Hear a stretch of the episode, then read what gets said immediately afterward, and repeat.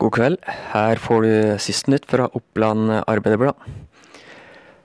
Det er mange enslige mødre, fedre, eldre, rusmisbrukere og familier som er under barnevernet, som spør Opplandshjelpen om en utstrakt eh, hånd. Og det er aller flest i nordre land. Det forteller Opplandshjelpen til OA.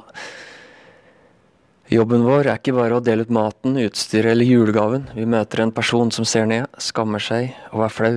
Det er viktig for oss å formidle at den følelsen er de ikke alene om.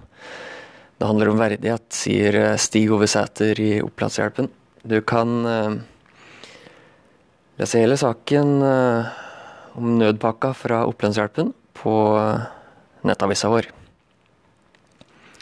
På oa.no kan du også lese om eh, gjøvikutten eh, Henning Struksnes. 33-åringen er for første gang på The Gathering.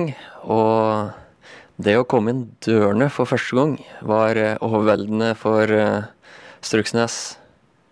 Det var en wow-faktor, sier han til OA.